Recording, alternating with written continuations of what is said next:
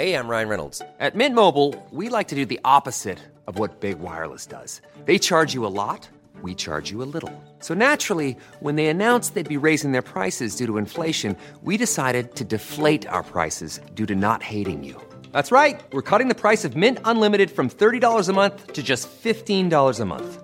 Give it a try at mintmobile.com slash switch. $45 upfront for three months plus taxes and fees. Promo rate for new customers for limited time. Unlimited more than 40 gigabytes per month. Slows. Full terms at mintmobile.com.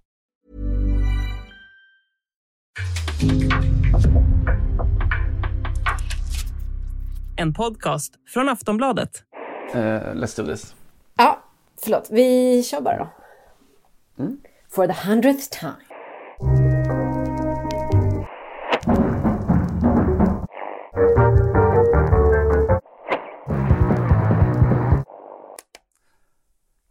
We've been running around in circles all year, doing this and that and getting nowhere. This will be the last time. I think I said that last time. If I only had a potion, some magical lotion that could stop this, I would stop this. I would set the wheels in motion. What can I say? I don't want to play anymore. What can I say? I'm heading for the door. I can't stand this emotional violence. Leave in silence. Leave in silence. Simon Hej, Bank, från. Simon Bank från Globen, avsnitt 100. Har jag rätt? Så är det. Ja, du hör ekot va? Ja, Det eller är vad heter jävligt den? tomt här ska jag säga. Av- Avicii Arena, förlåt. Just det, sant. Mm. Eh, jag vet inte om Depeche Mode någonsin spelade i Globen, det gjorde de säkert. Eh, känns ju ganska rimligt att tro att de har gjort det, ja. Men jag vet inte. Mm. Jag, kan inte jag kan inte ta gift på det, som man brukar säga. Just det, jag såg dem själv i Skandinavien vet jag. Eh, och det där var alltså ett litet intro från deras Live in Silence. Från A Broken Frame tror jag albumet hette. Min kanske andra eller tredje inköp, vinylinköp Mm. Vinyl. i livet. En vinyl, så var det på den tiden. Eh, du får berätta för Julia Karlsson vad, vad vinyl är Du får berätta vad Depeche Mode är då. Jag tror, för oss två. Ja, verkligen. Jag är faktiskt precis lite... Ah, nej, det är klart att jag har lyssnat lite grann på dem, men, men jag tror att det kan gå en ganska skarp gräns någonstans mellan eh, sena 70-talister och tidiga 80-talister. Eh, ni var nog de största liksom, Depeche Mode-entusiasterna. Sen dog det ut lite grann, även om några evergreens blev Mm. Ja, kvar. ja men sorgligt, väldigt sorgligt för mig. En stor del av min barndom som försvann. En enormt stor sorg för Mikael Wagner, vår kollega, vet jag, som är ja, det såg jag. en eh, oerhört eh, fanatisk eh, Depeche Mode. Fantast. Eh, jag tänkte, det var Andy Fletcher dog i veckan, det är lite därför som jag ville att starta med det här. Eh, ordningsmannen i Depeche Mode. Eh, sorgligt såklart, men det finns en sak med varje gång som jag hör Andy Fletchers namn nu och då så, så roas jag också alltid lite av att veta om att han då gick, när han gick i mellanstadiet, högstadiet hemma i Essex, så gick han alltså i en skola eh, och i klasser där då Alice Moyet gick samtidigt, där eh, Depeche Mode gick, halva Depeche Mode och där The Cure var där också som delade liksom klassrum och skolgårdar med eh, alla då som åstadkom min barndoms soundtrack. På samma På skola, samma som skola? är en ganska jättestor skola. Eh, ja, det är Ja, det är otroligt. och det som är otroligt. roligt med det här är att det finns ett namn till som ska fogas in av de kända eleverna som, som gick där.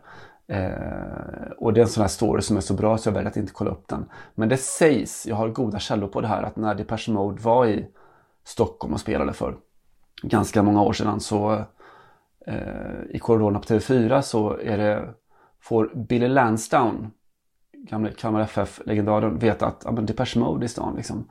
Det kanske man borde gå och kolla. Ja men biljetterna är, är, är slutsålda.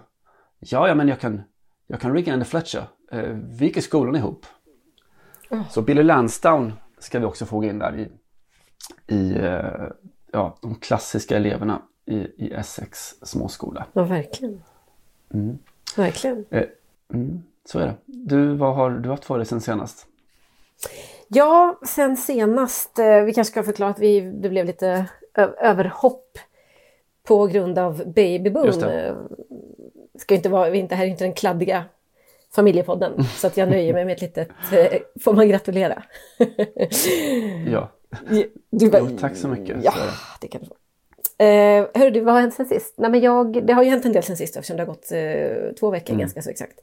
Ehm, det som hände senast sist så att säga, i söndags eh, och som jag filosoferade lite kring var förstås att den franska ligan på damsidan då tog slut. Eh, eller tog slut, den eh, avgjordes helt enkelt. Olympic Lyonnais åkte till Paris och satte parisiskorna på plats med 1-0 i och för sig och ett tidigt mål men sen efter det så lyckades de ganska så bra spela av matchen kan man säga.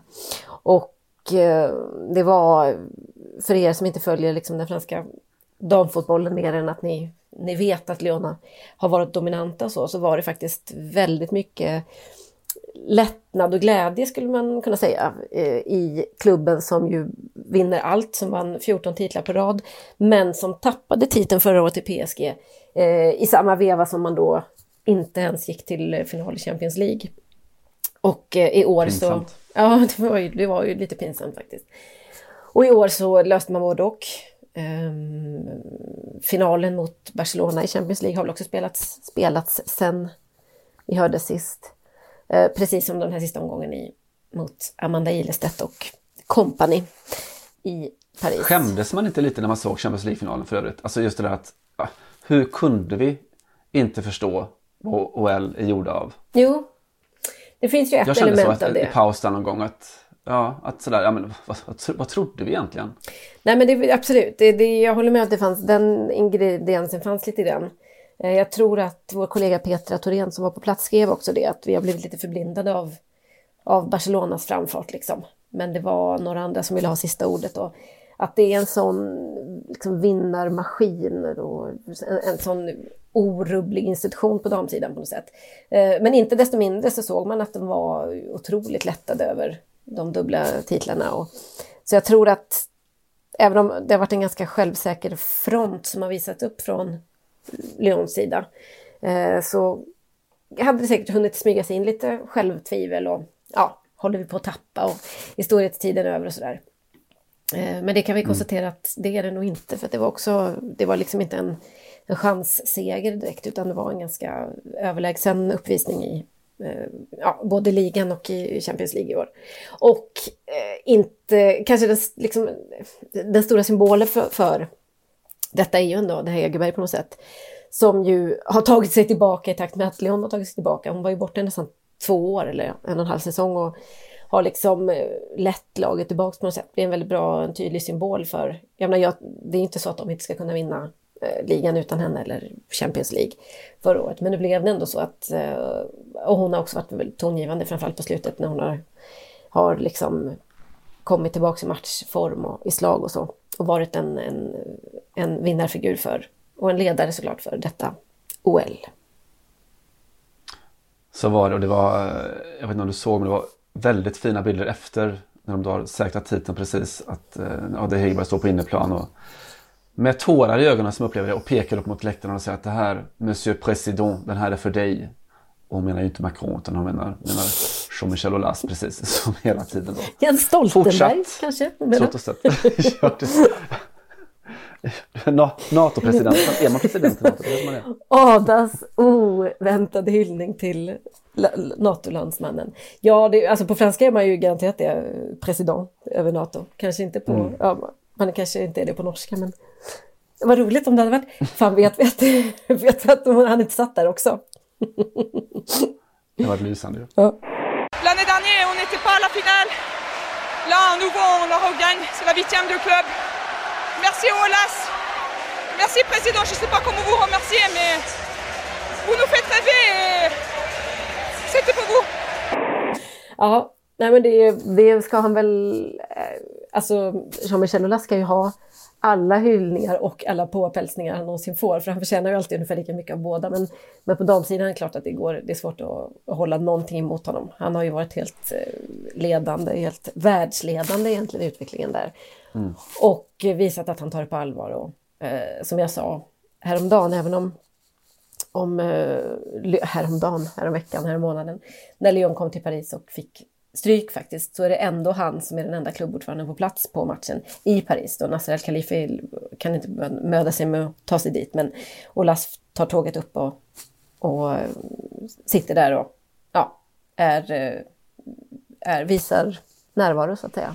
Jag vet att han tar mm. tåget upp, om, jag tänker förekomma den frågan för jag har delat tåg med honom en gång från, mellan Paris och Lyon efter en match.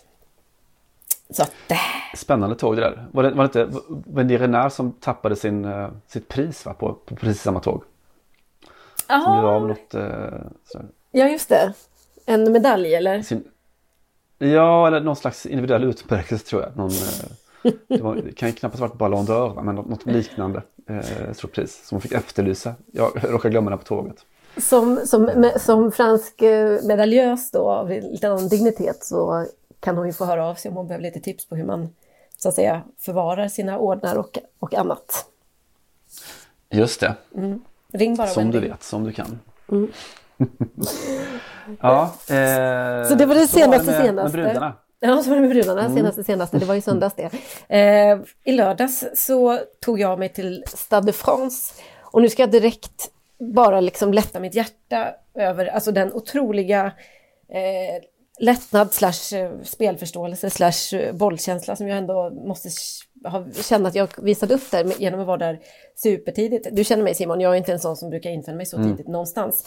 Eh, jag brukar inte vara, kanske dyka upp precis vid avspark, men just på matcher och sådär så tycker jag oftast att det är lite, kanske lite onödigt att vara tre timmar innan. Men jag kände här att det är nog ett bra läge att vara där i tid och käka lite mat och heja lite på folk och, och förbereda sig. Och tack gode gud för det, för att det var eh, det var inte bara så kvarten före avspark som det var trångt och bråkigt och, och, och, farligt på utsidan, utan det var två timmar innan har man ju förstått nu i efterhand. När jag kom dit så, jag, jag tog tunnelbanan till till Stade France och det var mycket folk och mycket rörelse och det var liksom lite tendenser till att knuffa på inför in på den här säkerhets, första säkerhetskontrollen. Mm. Men det var en ännu då väldigt vänlig stämning i, i leden så det var liksom inte någon känsla av, av fara eller så. Eh, sen hände det som hände och eh, jag kan säga nu tisdag när vi sitter och pratar om det här så är det väldigt lite som är utrett men det har ju Uefa startat en en, eh, eller har beordrat snarare en, vad säger man, en oberoende utredning eller? Ja. Just det, det brukar heta så. Mm.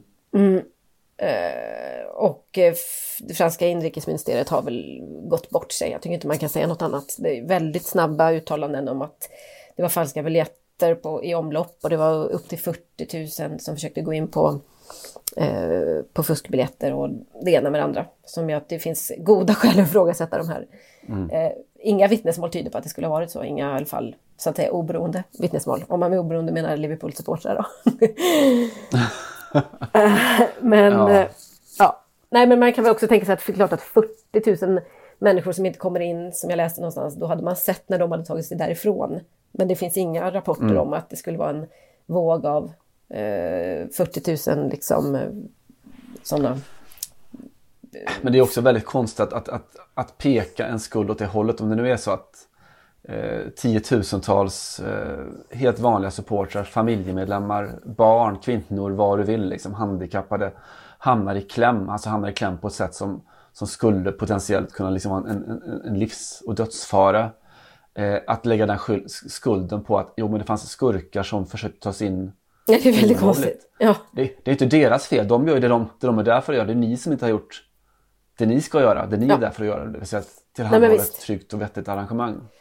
Ja, absolut. Ja, alltså det, och det är utgångsläget såklart. Men jag tycker utöver det att om man dessutom börjar peka, som du säger, så ska man ju ha rätt bra på fötterna. Och jag menar, nu har ju det här givetvis blivit en sån allmän politisk fråga i Frankrike där alla uttalar sig då. Erik Zemmour säger att det är, jag skojar inte, han säger att det är flyktingar som orsakat... Afrikanernas fel? Ja, flyktingar, des immigrants.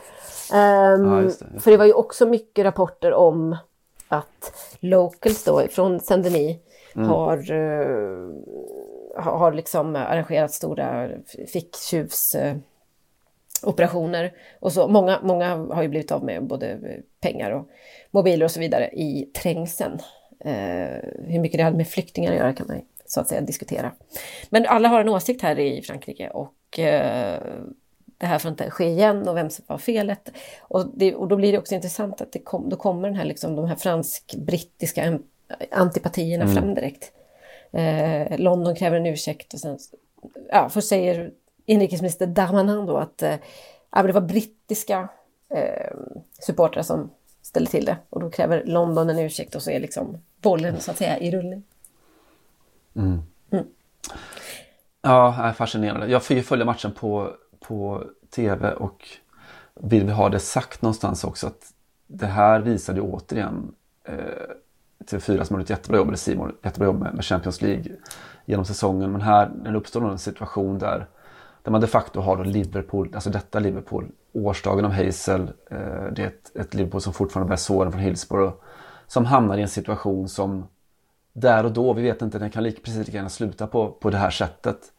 Eh, och den behandlas liksom inte journalistiskt i, i studion, för det finns ingen journalist i studion. Eh, det är Olof Lund som gör ett, ett heroiskt arbete på plats i Paris, men, men från studion betraktat så, så klarar man inte riktigt av att hantera det på ett, ett vettigt sätt. Man pratar om hur påverkas spelarna av det och man har någon slags eh, klipp och sammanfattning av säsongen och så vidare. Mm. Där då såg man, alltså de, de fick ju kritik under fotbolls-EM med Christian Eriksen situationen. För nu börjar Halv åtta hos mig. Välkomna! Mm. Då kom det eh, igen då, samma situation. Att det finns ett värde att har också den hållningen i en studio. För att i Sverige fick man liksom följa med via, via Twitter och sociala medier om man ville förstå vad som hände utanför. Utöver att Olof Lund gjorde ett, ett, eh, heroiskt arbete på, på plats i Paris. Mm lite mediekritik så här i eh, poddens hundrade avsnitt.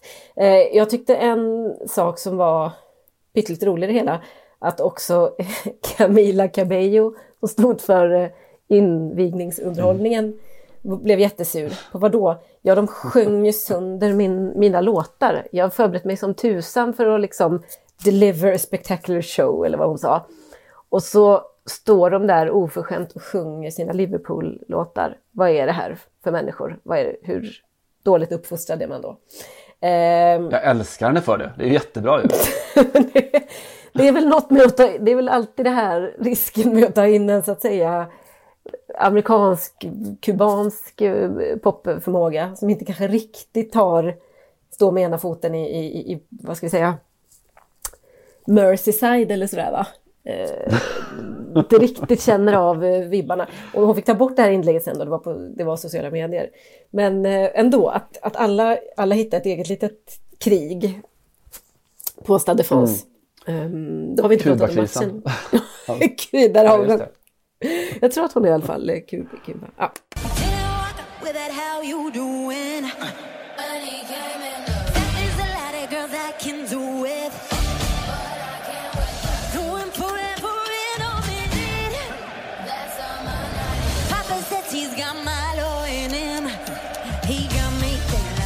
Eh, ja, ska vi säga några ord om, om eh, matchen också? Alltså jag är så jävla imponerad av Real Madrid. Nu har jag åkt på och liksom följa dem ganska mycket under just slutspelet i Champions League. Eller ja, åkt på, de, var, de mötte ju dessutom eh, PSG på vägen så att det var väl inte så konstigt. Mm. Och de flesta har ju sett såklart Real Madrid-matcherna, men jag menar en gång, ingen gång och så vidare, två gånger en vana. Alltså när det händer så här mycket, till slut kan man ju bara... Man vill bara liksom ställa sig på knä och du vet göra en sån bu, buga med armarna eller vad fan det heter. Mm. Jag bara in å. Det här är så... Det är så sjukt att de reder ut det här och att man känner halvvägs att nu vinner de nog. Liksom. Det här är... Detta kanske är matchplanen helt enkelt. Ja, det är, det är fullkomligt sanslöst. Det, det är verkligen det. Alltså det är lite besläktat med den här tanken som man har om den moderna fotbollen. Att man matcher slutar inte 0-0 längre för att det finns så oerhört mycket potential och kvalitet i spelarna. Så att även den mest låsta matchen så är det någon som skickar in den från 32 meter upp i, upp i krysset. Så att 0-0 finns inte riktigt längre. Nej. Eh, och det är väl lite så som, som, Real Madrid har spelat sina matcher. De bara, ja men, ja, vi släpper matchen fri för att vi kommer förmodligen ge oss lite chanser så sätter vi väl dem. För att så bra är vi. Så bra mm. är Karim Benzema. Eh, mm. och så bra är Vinicius. Eh, mm. Och så vi bara kör. Kom med oss, vi kan nog göra ett, ett mål mer än vad ni gör. Ja. Ja, nej, det, det, alltså det är verkligen uh, otroligt fascinerande. Alltså, återigen, när man ser det upprepas, liksom, för en gång kan, kan vara tur eller olycksfall i arbetet. Och, jag menar, det är klart att det, det är ju... Någon påpekade på Twitter att vad roligt att du driver den här tesen när du nyligen i, fot, eller i podden sa att det är väldigt mycket tur i fotbollen. Varför pratar vi aldrig om det? Mm. Eh, så jag kommer inte ens ihåg det, men det har jag tydligen sagt. Och det får jag väl stå fast vid på något sätt. Det är klart att det är jättemånga matcher som inte riktigt har en, en eh, vad ska man skriva, det finns inte en eh, enhällig förklaring till varför det blev som det blev. Eller ja, väldigt sällan. Jag tror att vi mm. kanske ofta gör lite mycket av det. Men när man ser upprepas så här många gånger så går det liksom inte att, att snacka bort det eller peka på tillfälligheter eller, eller så. Även om det är stolpe ut, bokstavligt talat, vid ett tillfälle. Eller att de har en målvakt som är liksom gör kanske sitt livsmatch i Thibaut Courtois. I alla fall i, om man liksom försöker jämföra eller sätta i, i paritet till vilken tyngd det var på den här matchen och så. Eh, och känslan av att hade de släppt in ett mål där eh, i första halvlek så hade de nog löst det ändå. De, de vet hur mycket ja. de ska gasa på och hur mycket som behövs. Och, och de, nu räckte det med ett ögonblick av briljans och då, tog man, då nöjde man sig med det någonstans. Alltså kände lite, kände med, med Jürgen Klopp, alltså jag, är, jag har tidigare pratat om att jag är väldigt trött på den här Klopp-bashingen. Så titta vilken dålig förlorare han är. Om det nu var liksom, eh, ja matchen mot Tottenham var det väl senast när han var, han var sur på sätt som, som Conte spelade sin fotboll. Eller, och nu var han liksom lite, lite butter igen då när folk ställde frågor. Och, och, och jag är trött på det av två skäl. Dels att ja, men han är väl både och. Liksom. Han kan väl både vara världens skönaste människa och vara en, en surkuk när han förlorar. Liksom. Det inte, mm. finns ingen motsats i det. Eh, men framförallt här så kände jag bara med att vad ska han säga liksom? Det finns ju ingenting att säga efter den här matchen som tränare. Nej. Be om en förklaring. Jo men ni såg ju allihopa. Thibaut ja. Courtois gör fyra superräddningar. Real Madrid har ett skott på mål och det går in. Mm. Vad, vad ska vi analysera för någonting? Vi är mm. toppen, de är mm. inte jättebra, de är mål, vi är inte mål. Tack och hej. Mm. Kan vi åka hem nu? Exakt. Så jag, jag levde med dig också spela, spela som, som skriva om det. Det var också svårt. Ja, precis. Alltså, svårt att skriva också tänker jag av det skälet. För att det finns liksom inte vad kan man skriva som är spännande och spänstigt? Så här? Ja, nej, men jag... är jätteviktigt i fotboll. Ja, nej, men jag vet inte, jag, jag landade väl den slutsatsen att de gjorde allt de kunde. Ja, men det går inte att göra så mycket mer från Liverpools sida. Nej. Sen så, det är klart att man kan, man kan, på marginalen va, kanske man kan diskutera om det är så att det här att vara slutkörd på det sättet som de ändå är, eh, mm. rimligtvis då eftersom man precis har tappat ligaracet bara dagar innan och så, om det kan påverka skärpan i avslut och sånt där. Men jag menar, det fanns ju inget i Liverpools första 60 minuter som, som pekade på att de var trötta eller ofokuserade eller någonting. Jag menar, de gjorde ju det de gör och de gjorde det bra dessutom. Eh, mm. Så att eh, det är lite som att det, nej, det håller inte riktigt heller faktiskt. Och jag, jag håller med om, nu såg jag, när jag såg Klopp så var han rätt så, rätt så resonabel ändå efter, efter matchen. Eh, jag kan tycka att ska någon bashas så kanske det är Pep Guardiola, inte för att han hade med den här matchen att göra, men han visar ändå upp ändå. mer... Ja, men ändå, jag bara känner att jag vill säga det. Nej, men är han inte sjukt passivt aggressiv, Simon? Har inte det, har inte det utvecklats till hans liksom mest framträdande drag de senaste åren? Jag tycker det är... Jag tycker Pep han är Guardiola, oförskämd. Ja. Mm. Oförskämd ja, ja, ja, och... Ja. och, men bara under någon form av eh, mantel av att vara eh, artig och väluppfostrad och en fin kille så, är han, så säger han rätt mycket, eller så är han rätt oskön liksom. Uh, ja, men jag tänker på när Frida Nordstrand frågar om efter 4-3 mot Real Madrid, kunde mm. njuta av matchen?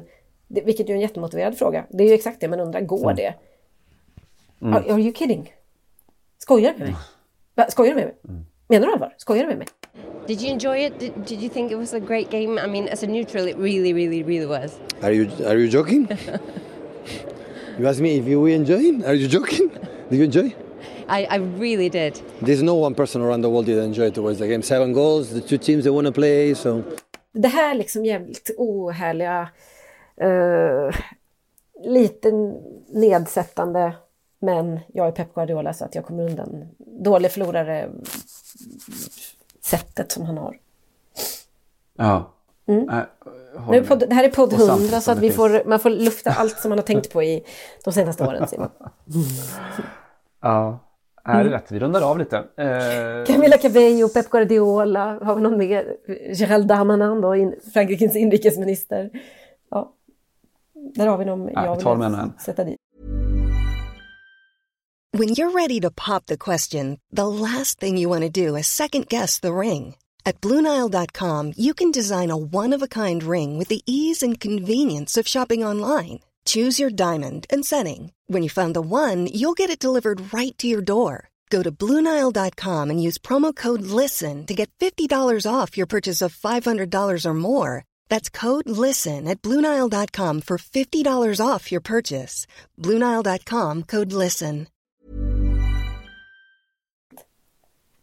Ja, kan man få eh, bärsa och bäsa lite. Vi rundar ju av som sagt, vi har inte pratat mer på länge. Så eh, jag skrev ju det som man då misstänkte eventuellt skulle kunna vara Zlatan Ibrahimovic sista fotbollsmatch. Eh, när Milan vann guldet. Jag har inte hunnit prata om än. Eh, Det här är ett att- Ja, exakt. Du var säkert upptagen med att följa Premier League som väl var det stora som hände. Eller det mest spännande, och dramatiska som hände just den. Ja, den söndagen. precis. Det var en zappingdag för mig. Så jag missade ju... Precis, jag missade ju eh, första halvlek mer eller mindre av Milan. Ja, och den, det var då som allting hände. Det var då som, som ligan dog. Eh, och jag tyckte också att den var intressant på jättemånga sätt. Eh, fantastisk prestation av, av Milan och Pioli. Och, och av Zlatan Ibrahimovic såklart. Han fick ju bara 20 minuter här men, eh, men ändå otroligt starkt på alla sätt. Eh, det som jag tyckte att inte rapporterades så mycket och det får man kanske själv ta på sig lite också. Är väl att hur den här första halvleken såg ut. Eh, det var ju en läggmatch va? Det var ju uppenbart tydligt hur Sassuolo spelade suicidal försvarsfotboll och bjöd på tre mål i den matchen. Ja. Man kan tänka sig att Eh, Ja, jag bara, jag bara någon, konstaterar det. om någon ska konstatera eller rapportera om det så är det ju kanske den som så att säga skriver matchen och det var ändå Simon Bank. Så att, eh, Så är det ju. dig. Eh, Mm. Sen hade Simon Bank fokus på Zlatan Ibrahimovic mer. Det blev så. Mhm. Och plus att man kanske inte... Jag menar, jag har sett en enda liga avgöras på plats i, i Italien. Eh, Roma-Parma 2001 när, när Roma tog sin, sin senaste ligatitel. Och det var ju lite på samma sätt. Det var så att Parma, då med Buffon i mål, kom dit och var ju liksom inte intresserade. Alla visste att det här är... Vi är här för att Roma ska vinna ligan, punkt slut. Så då får de väl göra det då. Och det var precis samma känsla här på, på MyPay att Sassuolo var statister. Mm. Jag tyckte att de var det på lite sämre sätt. Det var så uppenbart tydligt att de gav bort de där målen. Eh, och jag kom att tänka på ett tio år gammalt Buffon-citat just när han Mm. sa så här. Ibland när man tänker på det, vad behöver man göra? Ibland så är det som man säger, bättre med två skadade än en död. Eh, och ibland, lite då och då, så är det faktiskt rättmätigt att sätta sig och räkna ut saker. Eh, Buffon sa så när Conte då var, var eh, anklagad för att ha medverkat i det var spelskandal och lite uppgjorda matcher och så. Eh, det han pratade om var ju just eh, uppgjorda matcher. Eh, bättre två skadade än en död var det nästan med. Oavgjorda matcher i slutet av en serie som han syftade på. Han fick Mm. jättemycket skit för det Buffon. Mm. Men han sa ju bara som det var. Ja, ja, alltså det, jag upplever inte att det är så otroligt kontroversiellt kanske i, en, i, en, i ett italienskt sammanhang att säga så. Det som störde mig lite grann var att eh, Zlatan Ibrahimovic inte fick sitt mål godkänt. Om de ändå nu skulle så att säga eh, låta Milan få skriva sin historia. Hade inte det varit eh, snyggt då? Alltså hade det varit Zlatans sista match som man kunnat bjuda på det. Nu är det Ja, kanske inte det då. då det Nej, du tänker så. Ja, Eh, Jag tror att de frågade Zlatan. Du ursäkta. just det. L'ultima Är partita. det Ja, ja. är grande finale, Hammar? Nej. Nej. Ja. Okej. Nej, Vi får se. Vi får se. Nej, vi får se, Eh. vi får se. Men det, vi kanske ska prata Ja. lite om det också. Fast prata klart du om uh, lägg, lägg Jag ska prata klart. Jag ska också berätta om en, en text, en fin text som jag läste i El País eh, om just det här. Eh, eh, Daniel Verdu som är då El País korre i, som det heter, Italien och Vatikanen. Bra gig ändå. Ja, det är Kristina Kapelins gamla. Ja, du som var Italienkorre, du var bara i Italien va? Du hade inte Vatikanen? Nej, den är svår, och, den är svår att ta sig in i kan jag säga, helt ärligt. Och det är också inte, det är inte ett givet läsarintresse i, i Sverige för de nya kardinalerna eh, som det är Mm. i Spanien. I Spanien finns en ganska stor publik tror jag för, för att följa detta. Men visst. Mm. Eh, Verdo skriver så fint. Han skriver då om det här med uppgjorda matcher, om biscotto, som man säger i Italien, då, alltså kakorna, eller kakan Mm. då, biscotti. Han skriver så här, livet tillåter inte alltid alla att vara lyckliga, i alla fall inte samtidigt. Eh, det filosofiska maximet om nollsummespelet, eh, om kommunicerande kärl, fungerar praktiskt i alla eh, områden där pengar eller glädje står på spel. Att generellt så eh, är någons lycka beroende av någon annans olycka. Men den regeln gäller inte alltid när det handlar om fotbollsmatcher i slutet av säsongen. Hmm. Bra va? Jag tror, ja, det var bra att han inte... Det lät som att det skulle komma till... Det gäller inte när det kommer till nyliberalismen. För då singlar nämligen pengarna och rikedomen ner. Över alla. Just det, till alla. The, the Mm. trickle down effect. Mhm. Eh, han, Verdudo, går igenom eh, etymologin bakom biscotto. Mm. Intressant. Latinets biscotto. Eh, du som är gammal latinare, Mm. kan du ge oss den korta versionen? Biscotto, vad är, en biscotto? Alltså, nej, absolut inte. Jag menar, jag, du, om du, du vill verkligen ha, ha liksom eh, eh, hela bakgrunds... Jag kan bara tänka mig att det rör sig om... Alltså bi brukar ju vara att det är någonting dubbelt eller tvådelat. Eller, Just det, sant. Ja, så, och ja, en tvådelad eh, kaka. Äh, vad vet jag. Ja, eller kotto, kotto, alltså kokad. Kokad ah, två biscotto. gånger. Ja, såklart. Biscotto. Precis. Nej, men, Eh, alltså det var etymologin är att en, det är alltså en, en efterrätt som gör båda sidor glada. Eh, det ena teorin om biscottons etymologi. Mm. Den andra Mm. handlar om att det kommer från, från maffians New York. Eh, Mhm. eh, hästloppen, eh, där då den maffian klev in och eh, matade då en häst som inte skulle vinna med en drogad kaka. För Hoppsan. att liksom paja vadslagningen. All right. Eh, mm. Nu Va, var inte ju- det här kanske en biscotto på det sättet. Nej, det, men jag menar, det är, ändå, det är ändå roligt att hur går härleda de där, eh, vad ska man säga, olika orden eller i olika länder, hur man uttrycker det. I frans, på franska säger man ju oftast på du vin, då, att man har ställt vin, man har gett Ja. någon en, en, eh, en pava vin helt enkelt för att få vinna. Eh, och på, i Spanien vet jag att man brukar ju prata om maletitas, alltså att man har ställt in typ portföljer, alltså egentligen är det resväskor då, men stor, väskor med sedlar i motståndarens omklädningsrum för att de ska lägga sig då. Ehm, fick ni en liten sån medelhavs, eh, vad ska man säga, rund eh, tripp i mut, mutornas etymologi. Fint. Mm, ja, det är väldigt fint. Det är jättefint ju. Mm. Eh, Verdo drar då, han hävdar att det här är att biscotton hör hemma i det unika, typiskt italienska universumet av nyanser. Eh, drar paralleller då till eh, Da Vinci, eh, den här målartekniken, sfumato-tekniken med skuggor och rök där liksom allting flyter ihop och blir ett och samma. Eh, och drar också paralleller till det sociala livet då, att det finns problem som man aldrig behöver prata om eftersom det är bäst att låta bli. Han hävdar Mm. att det är italienskt. Ja, gud, ja. Eh, Och skriver att om man överför det här till vardagliga relationer så skulle det lösa många eh, problem i samexistensen. Eh, Biscotton är ett monument till civilisation och utveckling. Det högsta demokratiska uttrycket. Aldrig hört något sannare. Så, Vi måste inte prata om eller det. hur? Där har ni min hashtag. Vi måste inte prata om det. Vi behöver inte Nej. prata om Kevin.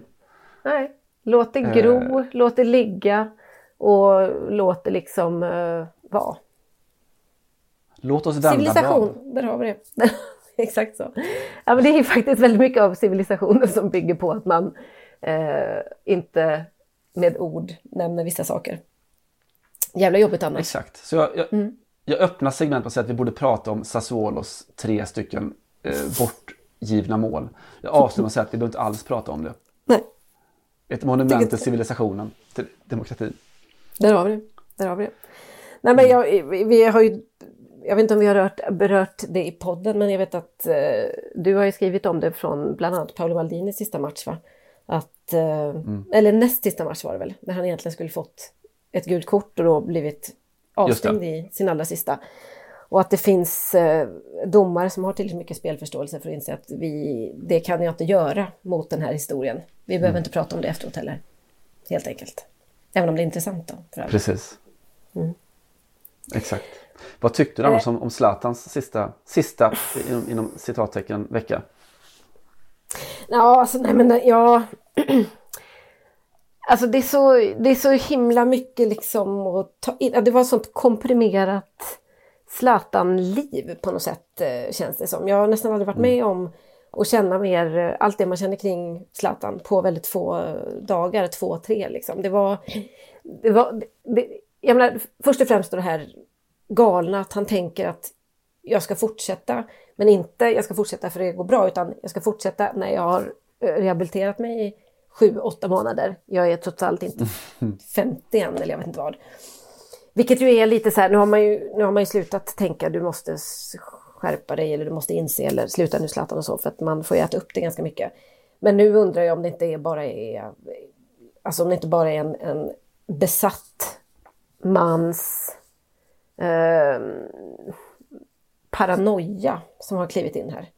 Så känner jag då. Men jag, Mm. jag respekterar ju alla som känner att han, han måste få avgöra själv och det, det tycker jag han måste få. Men det kan ju inte vara så mycket från den här säsongen han tar med sig och tänker att eh, det, här blir, det här kommer bli bra på sikt. Jag vet inte, jag, jag hoppas vid gud att det inte blir, eh, att det inte blir liksom vajsing eh, nu. Men det, jag tror att han kommer någonstans in i rehab få tacka för sig faktiskt. Det är vad jag tror. Vad tror du? Ja, alltså alternativet är att han blir till slut någon sån här japansk eh, radikaliserad krigare som är fast ute i en skog när kriget är över och han är den enda som inte förstår det fortfarande. Mm, Eh, Just det. Att han, han fortsätter att gå till träningen, till gymmet, till allt och alla, alla har tackat Zlatan för de här åren, för den här fantastiska historien och karriären. Men Zlatan förstår inte att det är slut, han bara fortsätter. Eh, Just det. Jag tycker, alltså, jag har skrivit det också, att jag tycker att han, han äger sin egen berättelse. Jag tycker inte att det förtar någonting av hans berättelse om han skulle sluta som ett eh, 46-årigt skämt i serie C. Eh, med liksom bandage på, på, om huvudet och en, en boll sparkad i näsan. Nej. Som en annan Thomas Brolin. Han är fri Näsan. att göra det. Eh, Troligt att det skulle få honom att sluta. Han bara, aj jag fick en boll i näsan så nu är det nog slut på min karriär.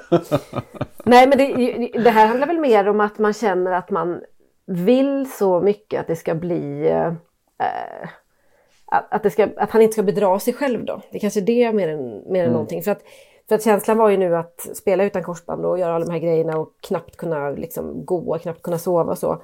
Att man individ, in, invali, invalidiserar sig for life. Gud, vilket inte ett så särskilt svårt ord som jag ändå... Ja. Nej, men jag, jag vet inte. Jag, sen, men det jag tyckte var roligt med liksom, de sista dagarna var väl också att han... Det var, det var liksom så mycket olika... Alltså alla sidor av Zlatan kom fram på något sätt. Eh, den här extrema bestämdheten och besattheten. Liksom. Ja, här ska det spelas, här ska det vinnas. Eh, vi ska vinna den här jävla matchen så är det bara. Vi ska ta titeln. Och man förstår i efterhand hur mycket han har eh, spel. Det har, ju, det har ju väl för all del framgått under säsongen men hur mycket han har liksom eh, peptalkat de andra och det här, det finns inga alternativ, vi vinner, nu vinner vi. Och sen när han kliver ut Mm, där och mm. som ett, med cigarren liksom, som ett eh, lejon. Det, var, det är verkligen en, den bilden är ju så, den är så överdriven så nästan känns som en Med pastisch. cigarren som ett lejon. Nej, men som, som, alltså som det lejon han vill vara, du fattar exakt vad jag menar. Ja, men, och, och, och, och, och, champagne var det väl.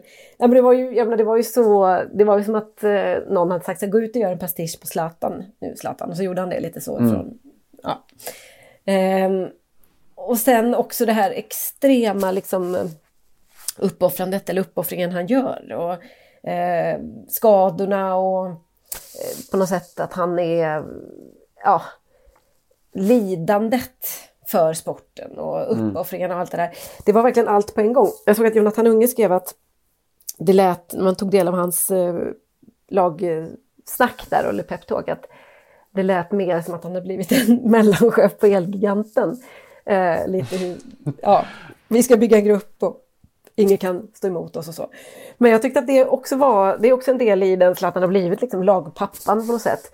Och de kanske inte alltid liksom jätteoriginella klyschorna utan att det är väldigt mycket, eh, ja, det är inte så superspirituellt det han säger utan det är väldigt mycket det vi gör, vi gör ihop tillsammans är vi jävligt starka och så vidare. Eh, ja, det var, det var, man fick sin Zlatan-dos där. Ja. Han är oerhört nöjd med, han använder det flera gånger, just eh, sin lilla one-liner, t-shirt, hashtag, vad det nu är. Den där Milano non è Milan, Italia är Milan. Mm. Eh, jättestolt över den och den är så platt, den är så fruktansvärt usel. Ja, den är verkligen inte alls särskilt eh, bra. Eh, den, och, och, jag, och jag den sprids också då utifrån att Ja men den sprids sådär att titta, oj vilken kraft, vilken, han, han pratar, då lyssnar man. Eh, och det är väldigt mycket där också. Något som, som David Brent hade kunnat säga eller så. Eh, och man inser att det handlar inte om vad han säger utan vem det är som säger det, på vilket sätt han säger det snarare än något annat. So what? At least I've got my health. And if you haven't got your health, if you've got one leg, at least I haven't got two legs missing. And if you have lost both legs and both arms, just go, at least I'm not dead. I'd rather be dead. Ja, exakt så. Men just det också, en Zlatan-del som ju kom fram var att han ändå inte var större än att han var tvungen att håna eh, Hakan Chakanoglu, var det inte så? Mm. Ja. Mm. Att det var bara så här, ja, men nu, det här är också läget att sätta dit den jäveln. Alltså att vara också liksom, mm. mobbar någonstans, alltså skolgårds Inte känna att nu kanske jag kan vara lite större än så, utan Ja, det var, det var lejonet och det var liksom eh, den lidande Kristus och det var lagpappan och Gud och skolmobbaren eh, på en och samma gång. Det, det, var, det var väldigt mycket där. Det ska bli skönt tror jag att få ta en liten Zlatan-paus nu. Jag hoppas han liksom bara rehabbar med lite i tystnad och ja, tillbakadraget på något sätt. Att även Zlatan tar en Zlatan-paus, det är det du säger? Ja, exakt. Jag tror att han kanske kan, kan behöva det lite grann nu. Ja, nej, men det är, det är intressant alltså när man sitter med fjäderpennan i högsta hugg och, och ju som det var just den där kvällen att man vet om att det här kan, det kan komma ett besked när som helst att, att det är över. Mm. Eh, vilket gör att man umgås med tankarna kring väldigt mycket kring, kring Zlatans karriär och hans arv och allt det där. Och det svindlar ju verkligen. Det, det, det är nyttigt för en själv att få göra det ibland faktiskt. Att få känna på att inte glömma liksom. Nej. Även bortanför klyschorna, klichéerna och, och, och panegyriken. Att vilket, vilket oerhört, oerhört arv, vilken oerhört karriär. Mm. Eh, ursäkta klyschan där igen då, men, men där är vi. Den, den dagen kommer någon gång när, det ska mm. skrivas slut på, på Zlatan. När det känns som det håller på att ta slut, som vi har eh, ältat här senaste poddarna, senaste avsnittet. Som vi ältat. Fotbollny radikal Eh, jag tänker, apropå dramaturgin, det är lite besläktat då med att få ett, det goda slutet, det dramaturgiska slutet. Eh, först en liten faktaruta. Eh, världens mm. äldsta fotbollsklubbar, kolon. Äldst av de som fortfarande finns, Notts County. Eh, näst äldst Stoke City och tredje äldst Wrexham från Wales. Mm. Eh, fokus då på Wrexham Eh, tänkte pratat om det förra veckan när allting då hände. Så vi fick vänta lite.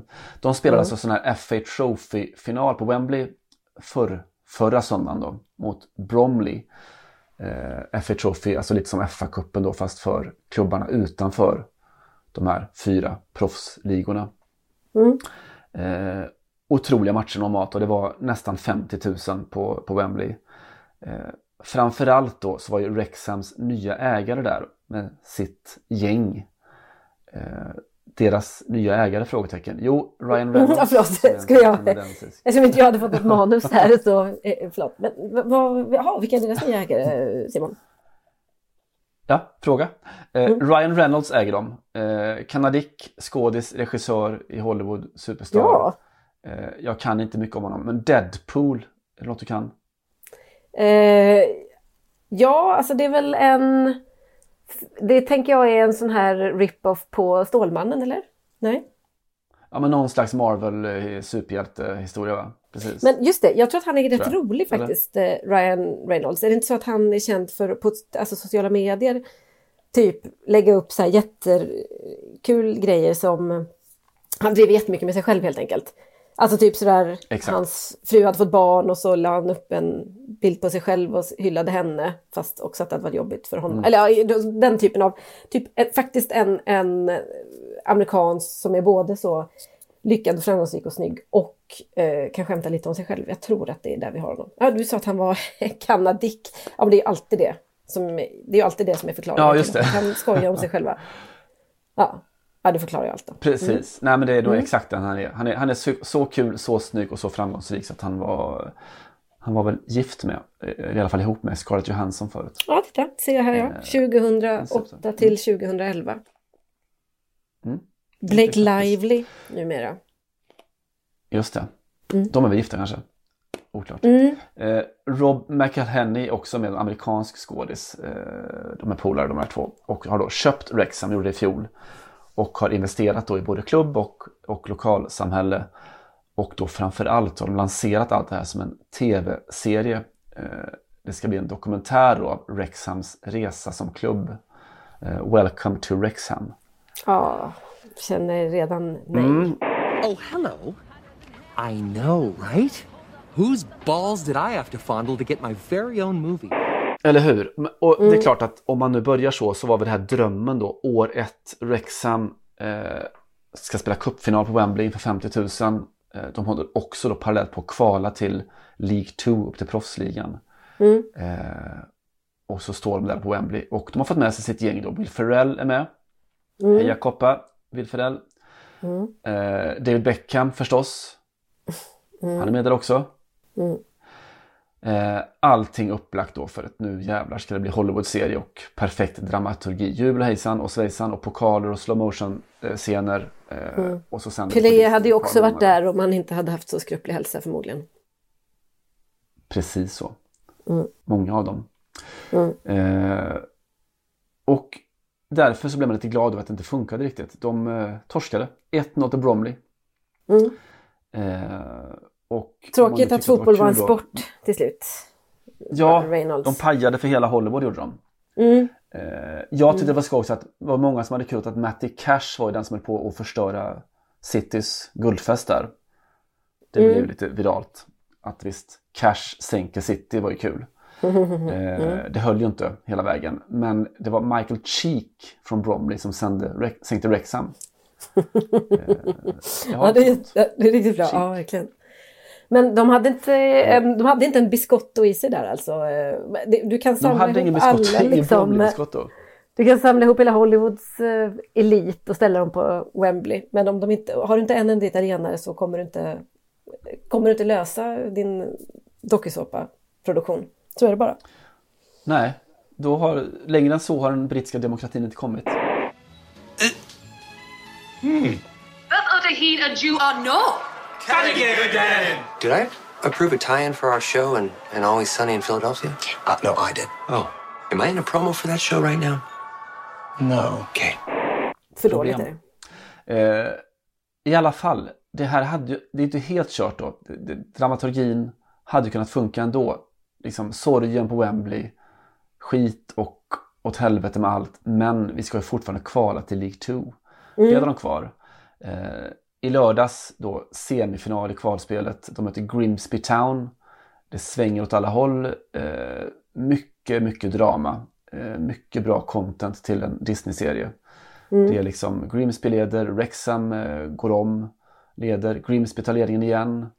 Tio minuter kvar av matchen så kvitterar Wrexham till 4-4 vid förlängning. Eh, på väg mot straffar. Riktigt bra tv. Mm. Och så det sista som händer i förlängningen är att eh, Grimsby gör fyr- eh, 5-4. Luke Waterfall, en gammal eh, spelare från Wrexham som nickar in avgörande 5-4. Så det blir inget Hollywood-slut. De förlorar en cupfinal, de torskar i sitt kvalspel. De är borta, de ska spela Mm. i Nation, National League.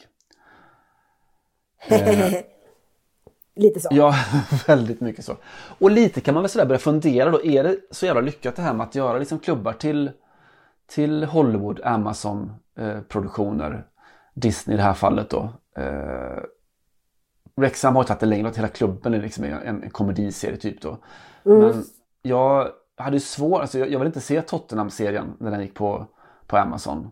Nej. Eh, Jag kollade lite på den, var det Amazon eller? Ja, jag kollade lite på den för ja, det var Amazon, det var deras Ja. serie. eh, Det var lite för att vara dina Nothing. ögon faktiskt. Men eh, dels så var den ju inte nog bra. Eh, och sen så är det ju också så här, det, ju, det, det pågår ju liksom vanlig fotbollsverksamhet som påverkar lite vad som så att säga händer i den där serien. Och då helt plötsligt så var det bara så här, jaha, eh, okej nu fick Mourinho sparken då. Eh, nej, nu förlåt, nu fick eh, Pochettino Pochettino. sparken. Mm.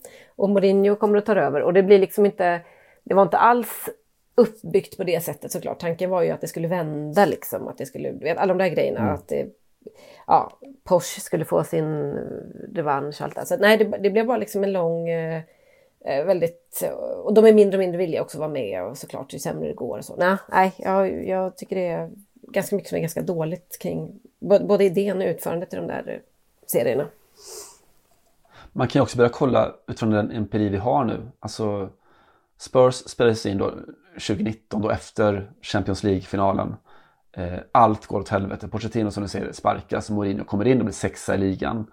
Eh, Juventus gjorde också en all or nothing säsong Mm, 2021. Mm. Eh, första gången på tio år som de inte vann ligan. Mm. Eh, City var väl först ut, det gick okej då, de vann väl ligan eh, då. Men undantaget då, i år så har ju Arsenal då spelat in sin säsong All or Nothing. Mm.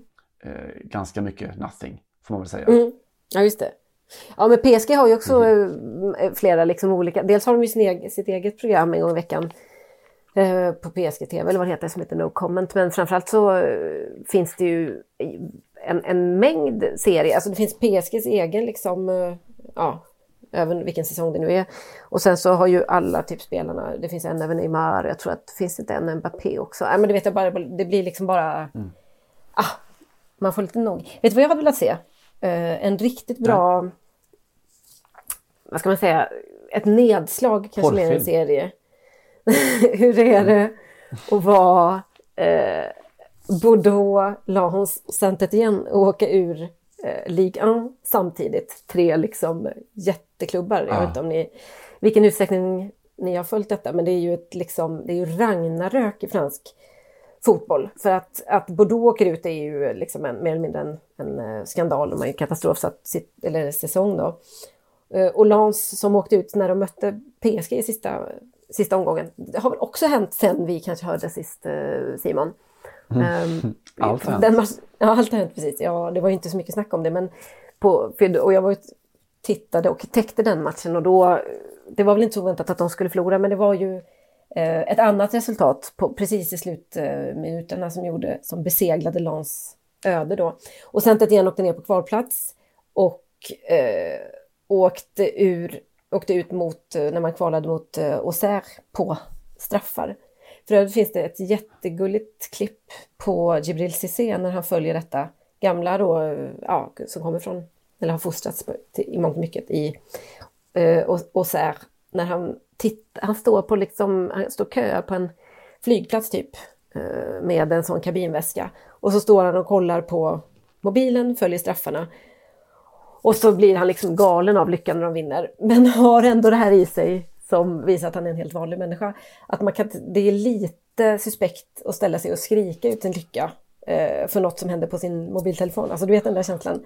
Det är inte så att, det är inte så att hela Sverige stannar när, när eh, eh, ja, inte vet jag vem, vem som åker skidor längre.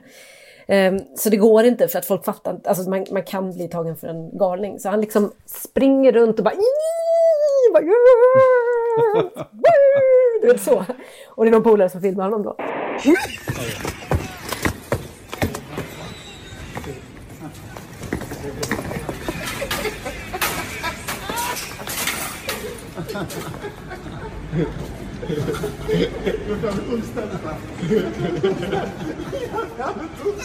Viens, on va à Paris. Viens, on va à Paris. qu'est-ce que vous parlez là Mais non, la Paris c'est par là frère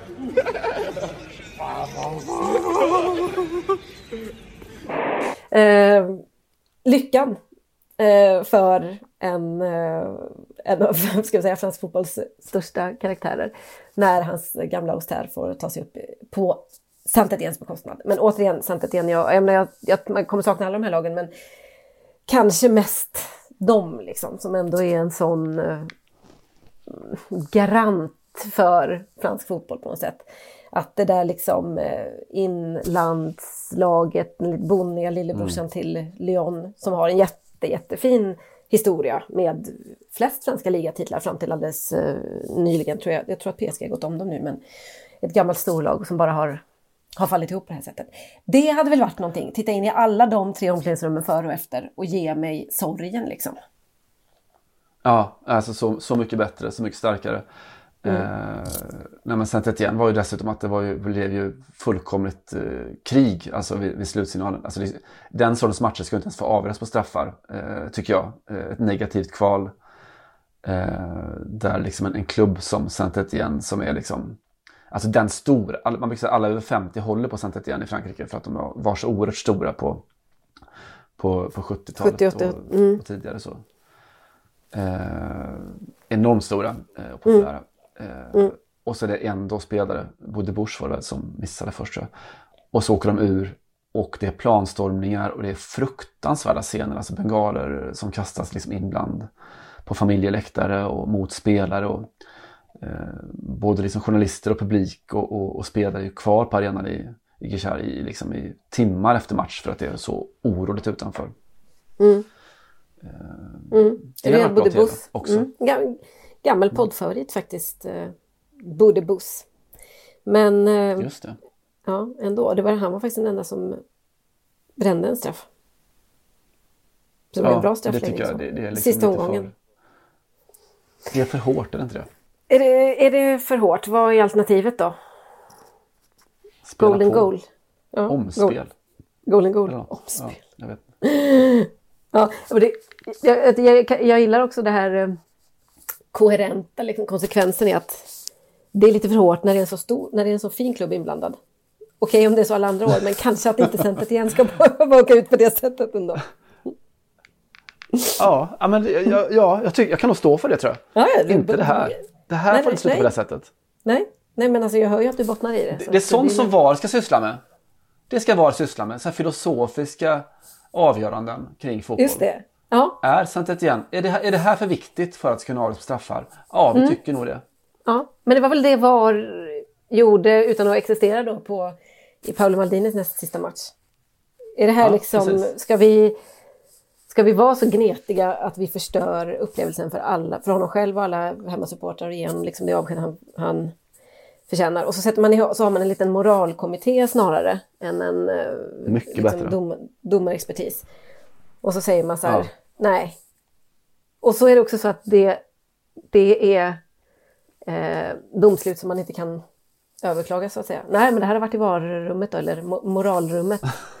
Så att det kan ni inte överklaga. Det är så mycket bättre, är det inte det? Varför, Är det okej? varför- Kan verkligen Real Madrid få, få slå Liverpool här? Alltså 9-1 i avslut på mål, är det rimligt? Ja, Varför- men det är det nog faktiskt. Varför tog det hundra avsnitt innan vi lanserade moralrummet Simon? Det är jätte, jättekonstigt. Jag ser så jävla underbetyg åt oss är det. Frukt, fruktansvärt underbetyg. Det hade vi kunnat, det här är, jag hade kunnat tillämpa det varenda jävla vecka. Vad har hänt, vad hänt i helgen då? Jag tyckte inte moralrummet skötte sig här. Va? Det, det var det att City ska komma tillbaks eh, när det är så himla nära att de liksom torskar titeln och det är så mycket bättre för fotbollsvärlden också att de gör det med tanke på hur mycket pengar de har. Ja, det hade varit Ja. bättre. Mm, det hade varit en, en, en bättre lösning. Mm, hemläxa åt oss. Hemläxa åt oss och åt eh, och Arsene Wenger. Ja, exakt. Sitta där och återuppfinna handsregeln, offside-segeln i, i Sirius. Liksom. Det är det här du ska ägna dig åt. Dessutom så har jag faktiskt full förtroende för just honom att lösa ett bra regelverk för eh, moraliska fotbollssegrar eller eh, moraliskt korrekt tagna beslut. Jag tror att han är mycket mer lämpad att göra det sätta upp det regelverket än, än eh, någon annan, framförallt än någon annan på Fifa. Jag tror verkligen inte att någon annan på Fifa ska lägga sig i det arbetet. Men jag tror att Wenger skulle kunna, eh, skulle kunna få ihop en, en bra, ett litet regelverk där som, som skulle kunna vara någon form av allmän, vad ska man säga, som skulle kunna ledsaga eh, Mm. moralrummet då. Exakt. Nej, men det, och det, Mm. det, naturligtvis så måste det vara, finnas någon form av estetiskt eh, viktning i den här moraliska... Eh, det får inte vara en platt moral, utan det måste också ha, ta estetiska hänsyn. Och också hänsyn till den större berättelsen i alla sammanhang. Är det här bra Ja, för ja. fotbollen? På riktigt? Ja. På sikt? Ja, ja men givetvis. Eh, precis, Mm. då hade ju exakt så. Mm. Moralrummet, det får bli eh, nästa lobbyverksamhet då. Eh, Mm. Från vår sida. Ett arv. Eh, jag tänker runda av med ett annat arv eh, faktiskt. Eh, också sådär eftersläpande från, från förra veckan. Det får bli lite så, säsongen är ändå slut. Mm. Det var nu i den 23 maj, vad har vi då? Eh, En vecka sedan. Måndags kanske, något sånt va? Eh, då var det 30 år sedan, sedan Giovanni Falcone eh, sprängdes i bitar nere i Palermo. Mhm. Eh, domaren Maff- då. som- Maffiautredaren, eller ja. Mm. Maffiajägaren, precis. Mm. Som han förklarade krig mot Cosa Nostra och vann i, i stora delar då, tills han sprängdes i luften. Mm. Moralrummet hade så att säga hundratals sam- lite, andra, lite andra avväganden där. När de sammanträdde. Stora synpunkter på den sprängningen. Kan vi... Eh, men han sa... ja. Nej men vi måste knäppa den jäveln nu. Ja men har han inte ändå objektivt gjort ganska mycket bra? Så, nej alltså det är inte... Han, han, han förstör för oss. Han respekterar inte liksom koderna. Nej då var det helt rätt. Vi knäpper honom. Eh, jag tror det landar där. Eh, han eh, gav sig själv rätt. Han sa nämligen så här medan han fortfarande levde. Bättre står man sagt efteråt. Men han sa så här. Eh, per essere credibili in questo paese bisogna essere ammazzati. För att vara trovärdig i det här landet, parentes Italien, så måste du vara mördad. Mm. Eh, en hård dom över ett land. Eh, men som sagt då, 30 år i veckan sedan han då mördades. Eh, Mm. Och blev mycket uppmärksammat då. Det är fortfarande ett oerhört stort namn då. En av få framgångsrika, man kan säga, alltså då, hjältar i, i kriget mot, en, mot maffian på, på Sicilien framförallt då. Mm. Man har, Eh. har man tagit någon för det där mordet eller? Nej, det tror jag inte. Det tror Nej. inte. Det är lite så, moment 22, väldigt svårt att lösa det mordet eftersom det var han som var tvungen att lösa det och det var han som blev mördad. Ja, precis så. Lösa men... döma. Och det ja. fanns inget varum, eller moralrum. Nej. Nej, men eh, jag berättade för att det var ett av initiativen då som, eh, som sjösatts för att då lyfta fram Falconis minne. Eh, heter eh, La Vittoria del Coraggio, mordets seger. Då, och de som står bakom det för att hylla Falcone är damernas Serie A. Eh, Ett sånt här projekt på sociala medier för att minnas och hylla de som då vågat ta striden mot organiserad brottslighet i Italien. Mm. Eh, Goda förutsättningar känner jag här för att det skulle kunna, vi skulle kunna få ett, litet omtag på Idrissa Ganagay-incidenten. Att det finns en och annan tjej som inte vill dra på sig den Just det. Vi hatar maffiatröjan. Som vill att stå kan upp, bli för... som vill stå upp för maffian.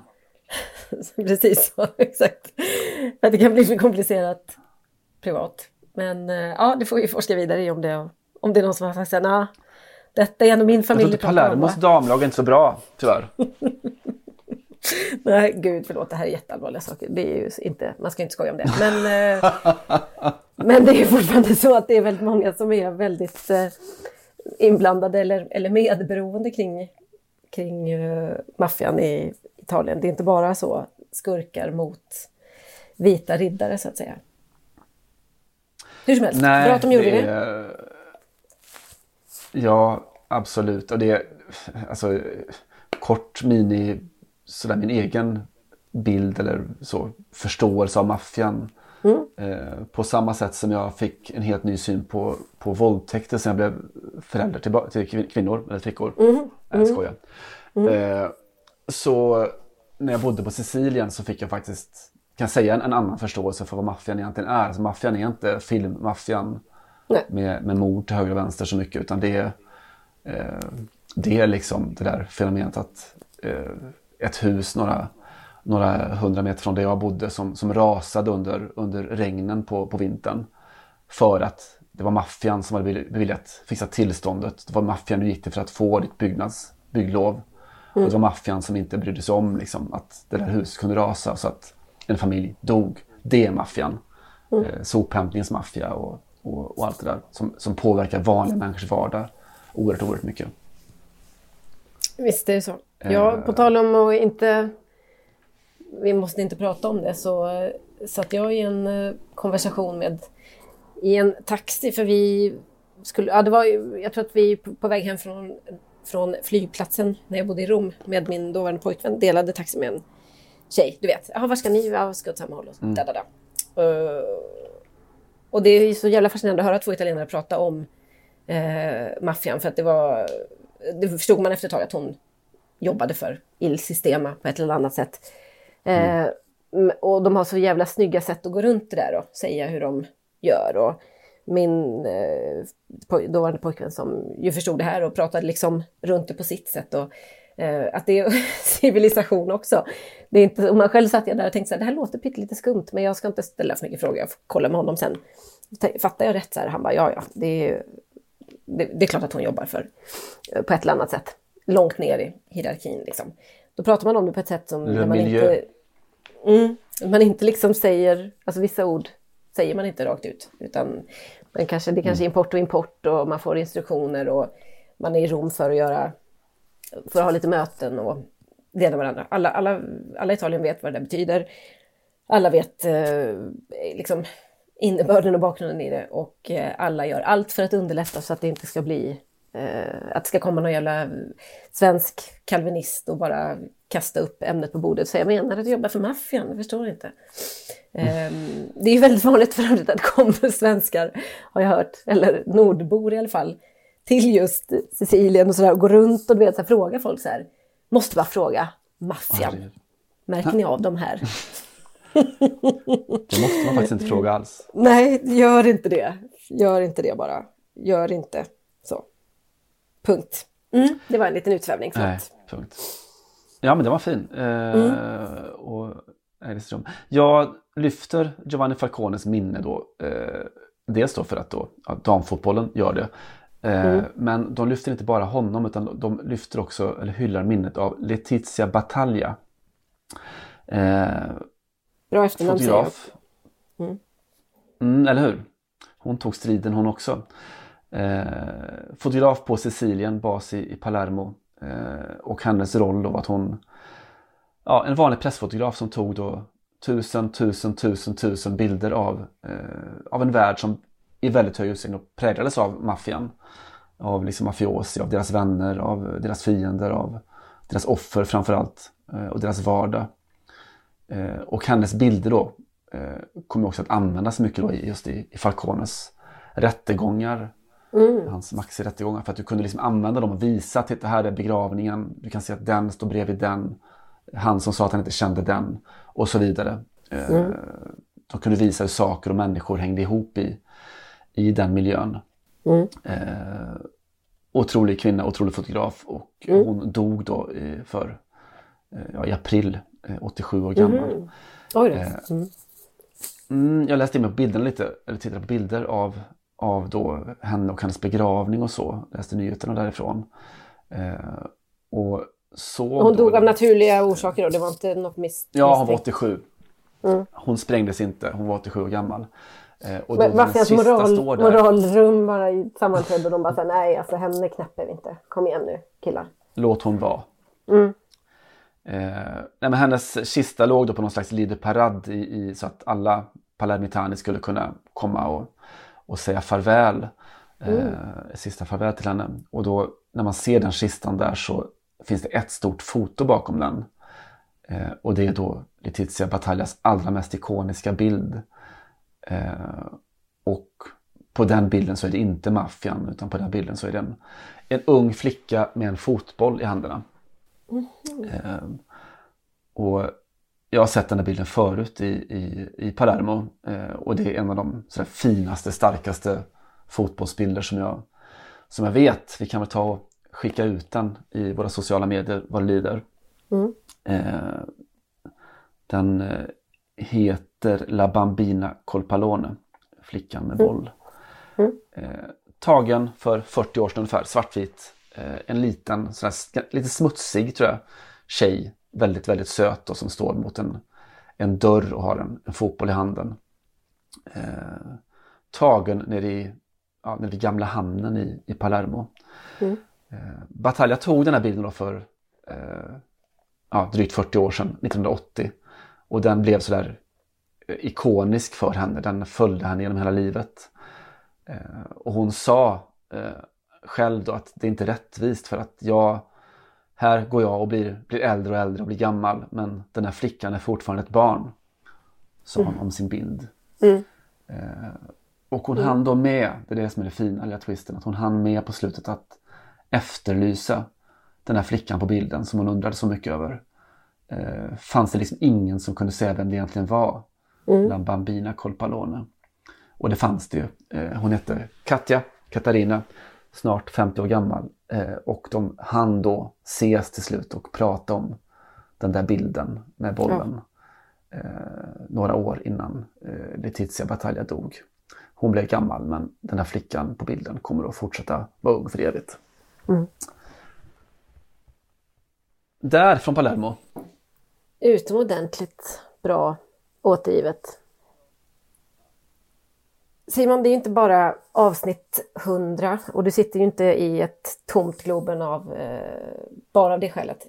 Utan vi eh, kommer behöva säga arrivederci återigen på ett jämnt eh, antal poddar. För det är eh, babyboom och det är säsongsslut och det är, eh, jag vet inte allt. Eh, Julia Karlsson ska väl också få, så att säga, ägna sig åt sitt. ja, precis. Kanske framför allt det. Ehm, vi kan inte riktigt, eh, vad ska man säga, vi kan inte riktigt lova någonting för framtiden. Vi kan väl tacka alla som har hängt med hittills. Och eh, det är inte omöjligt att de, om liksom Paris och Stockholm ligger kvar om ett år eller så, så plockar vi upp handsken igen. Men eh, vi vet inte riktigt. Det vi vet är att om det känns som att det håller på att ta slut så är det för att det gör det. Eh, av eh, mestadels naturliga orsaker den här gången. Har du något att tillägga innan vi säger eh, tack och hej? Eh, nej. Har moralrummet något att Det är- säga om det hela? Nej, moralrummet, det är väl framförallt Bromma som får ta på sig ett litet uppehåll. Det är, jag har skaffat mig vanan att, eh, att få flickor. Jag fick min första flicka när, när Sverige slog Danmark mitt under. Jag fick min andra flicka när Marcus Rosenberg gjorde avgjorde mot Dynamo Kiev i sin sista match på Malmö stadion. Och den här lilla eh, saken dök fram någonstans strax före Champions League-finalen. Mm. Så de behöver uppmärksamhet eh, och kommer få uppmärksamhet. Och så får vi se lite när, när vi kan ge all kärlek åt podden som den förtjänar igen. Jag uppskattar um, uttrycket dök fram.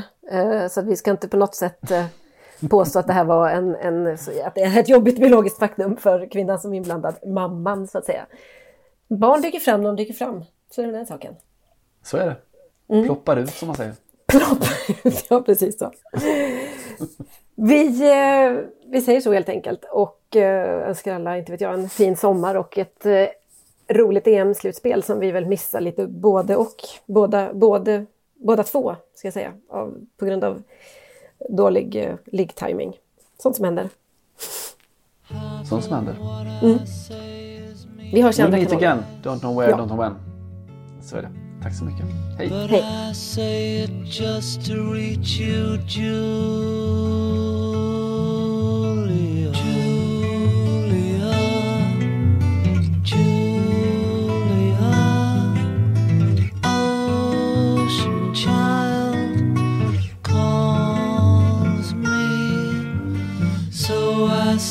The song of love, Julia.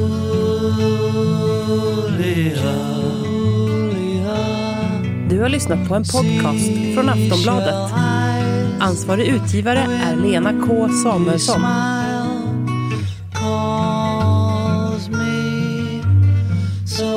sing the song of love.